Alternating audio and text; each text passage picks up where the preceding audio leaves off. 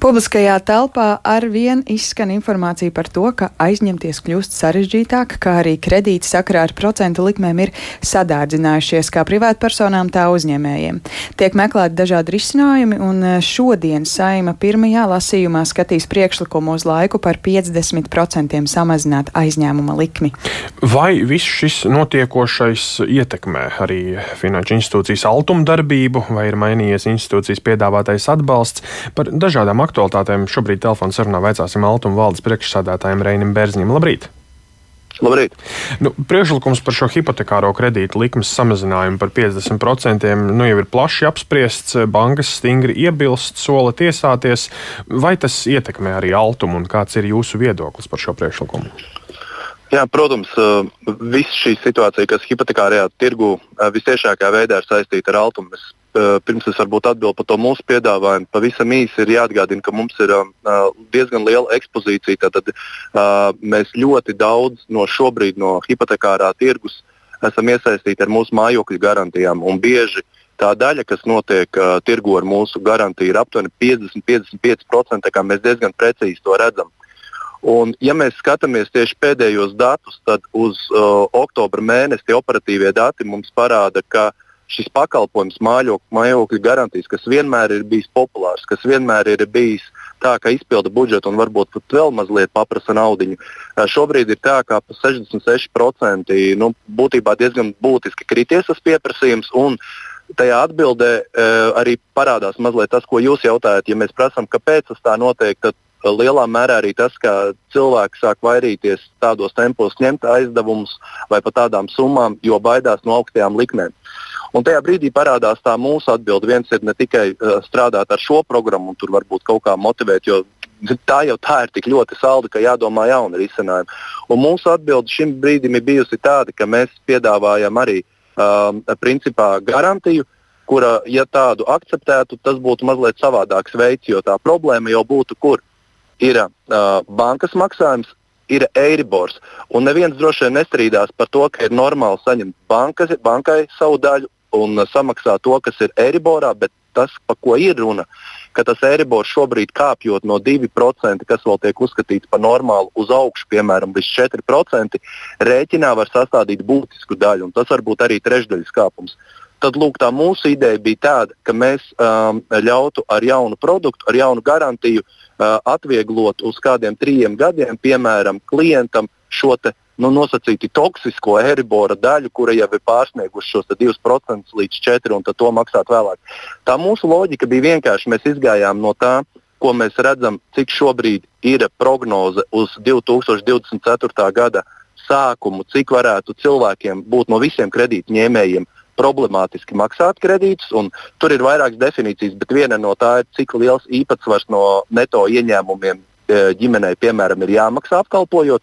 Un, ja to nodefinē šajā sektorā, tad ap uh, 40% tas slieksnis, kas tiek uzskatīts par tādu jau, kurš ir slidens, ir aptuveni 11,9%. Mēs paņēmām vienkārši visu šo masu un apstājāmies, cik tad vajadzētu tās garantijas. Tāda bija tā mūsu loģika, un mm -hmm. cik mēs esam arī prezentējuši, tur daudz arī saskata kaut kādu nu, jēgas graudu. Nu, tas ir labi, jā, jēgas graudu vajag visos lēmumos, taču šis rīks, ko teicāt, uz trīs gadiem, teikt, palīdzēt un atlikt, kopumā jau tāpat tā summa būtu jāmaksā tāda pati, tas vienkārši palīdzētu tā, tā kā atlikt to un sadalīt mazliet. Es saprotu pareizi? Jā, protams, jā, jūs pilnīgi pareizi sakat, jo nu, skatoties uz Altumu, normāli mums ir 40 pāri programmas, Altuma nav panacēja visam, Altuma ir kā institūcija, kura primāri darbojas ar finanšu instrumentiem, kura principā ir kā banka, bet ir um, nekonkurē ar banku, bet ir kā sadarbības partners, kas iet riskantākos projektos. Rokraks ir līdzīgs, mēs vienkārši domājam jaunus veidus, kā palīdzēt tur, kur ir tirgus nepilnība. Un tieši tāpēc arī es savā atbildē iesāku, es neteicu, ka mums būs, būtu dāvinājumi. Mēs vienkārši skatāmies, kā palīdzēt tajā sadaļā, kas tiek uzskatīta nu, par tādu tiešām apgrūtinošu, pārāk apgrūtinošu. Vai nav tā, ka Altums atbalstot uh, cilvēkus, šos uh, riskantos gadījumus, kā jūs sakat, uh, tātad iespējams tos, kuriem ir mazāk ienākumi un mazāk iespēja vēlāk maksāt uh, savus kredītmaksājumus, kā tas ir šobrīd. Uh, ka Altums ir iedevis šos kredītus tieši tiem cilvēkiem, kuriem šobrīd ir vislielākās uh, problēmas atmaksāt uh, savas kredītsaistības? Nē, es saprotu, ko jūs jautājat, bet mums ir, redziet, mūsu tā garantija, viņa pēc definīcijas nevar tikt izsniegta uz, uz, uz kādu darījumu bez bankas. Tātad no sākuma ir bankas analīze. Un bankas, kā jūs zinat, arī pēc finanšu krīzes diezgan rūpīgi skatās līdz tai disciplīnai, nākotnes maksātspējai. Un tie darījumi mums šobrīd ir pilnīgi tiešām ar labu kvalitāti. Un to, ko mēs redzam, arī ja šobrīd arī tā nemaksāšana nav sasniegusi lielu līmeni. Bet Tajā pašā laikā, ja mēs uh, katrs uh, palasām, piemēram, pa ceturksnim, kā mainās bors kopumā, un ja mēs redzam, ka tas jau sasniedz vairs nevis tur pa maziem bāzes punktiem, bet aiziet jau tajā, ko mēs vēl pirms laika nevarējām iedomāties, ka 4% var būt rēķinā, kas ļoti atspoguļo, piemēram, trešdaļa no jaunā rēķina. Jo nu, hipotekārajā um, kreditēšanā, jūs zināt, tik pa pāris mēnešiem atnāk rēķins, bieži banka painformē, tā un tā, jūsu tagadējais maksājums būtu šāds. Ja? Un tiešām tas pēdējais leciens bija pēdējā laikā, un mēs redzam, ka tie 11,9% no tiem, kuriem varētu būt šis 40% slieksnis, pēc tiem pētījumiem varētu būt uz nākamo gadu. Uh, disciplīna ir laba, cilvēki maksā ļoti, tas ir līdzīgi kā ar aptieku. Cilvēks norēķināsies par hipoteku, lai tur vai kas. Bet, ja varētu pateikt, ko vēl var palīdzēt, tā, tā tas ir. Tā nav dāvana, bet tas palīdz iegūt laiku. Un, un, jā, tas ir finanšu instruments, un tas ir arī ir tas, kas ir parasti altuma rokrakstā. Vēl noslēgumā gribēju jautāt, jūs minējāt šo mājokļu programmu kā piemēru, kur tas um, citreiz, citus gadus izpildās krietni ātrāk budžets. Lūkojoties uz jūsu instrumentiem, um, kur vēl var minēt lielas problēmas, varbūt kurās mazākas novērojat, um, kāda ir tā situācija? Nu, precīzi uzdots jautājums, jo mums jau tām 40 pāri programmām tās visu laiku mainās. Kaut kur nepieciešamība lielāka, kaut kur mazāka.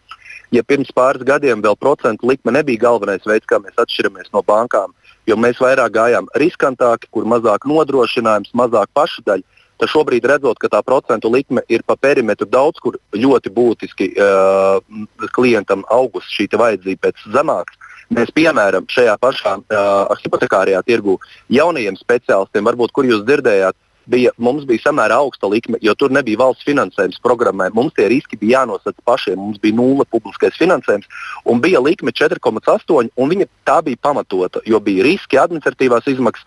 Mēs esam nomainījuši, un principā no šodienas arī publiski arī varam teikt, mums ir 2,4%. Šobrīd mēs pa 50% samazinājām. Vienkārši tāpēc, lai klientam nāktu pretī, mazliet padedzinām savu peļņu, bet tas ir apzināts gājiens, mēs to varam atļauties. Līdzīgi mēs darām arī uzņēmējdarbībā, kur mēs no sākuma saldinājām garantijas, cerot, ka nu, bankas vairāk kreditēs un garantijas mūsu ņems pa samazinātām likmēm. Nu, mēs redzam, ka diemžēl tā aktivitāte nav devusi to, ko mēs bijām sagaidījuši. Aizdevuma altumam uz oktobra mēnesi ir izsniegti 102%, tā kā plānots garantijas nu, ap 70%, nu, tad mēs darām tā, ka mēs šobrīd arī skatāmies uz saviem aizdevumiem un samazinām arī tur likmes, piemēram, maziem vidējiem uzņēmējiem un lauksaimniekiem apgrozāmiem līdzekļiem mēs pa 50% samazināsim uz laiku likmi, lai dotu papildus stimulu tautsēmniecībai. Mm -hmm. Tad būs arī e, jūtams atbalsts, cerams. Paldies par sarunu, teiksim, Altuma valdes priekšsādātājiem Reinim Bērziņam.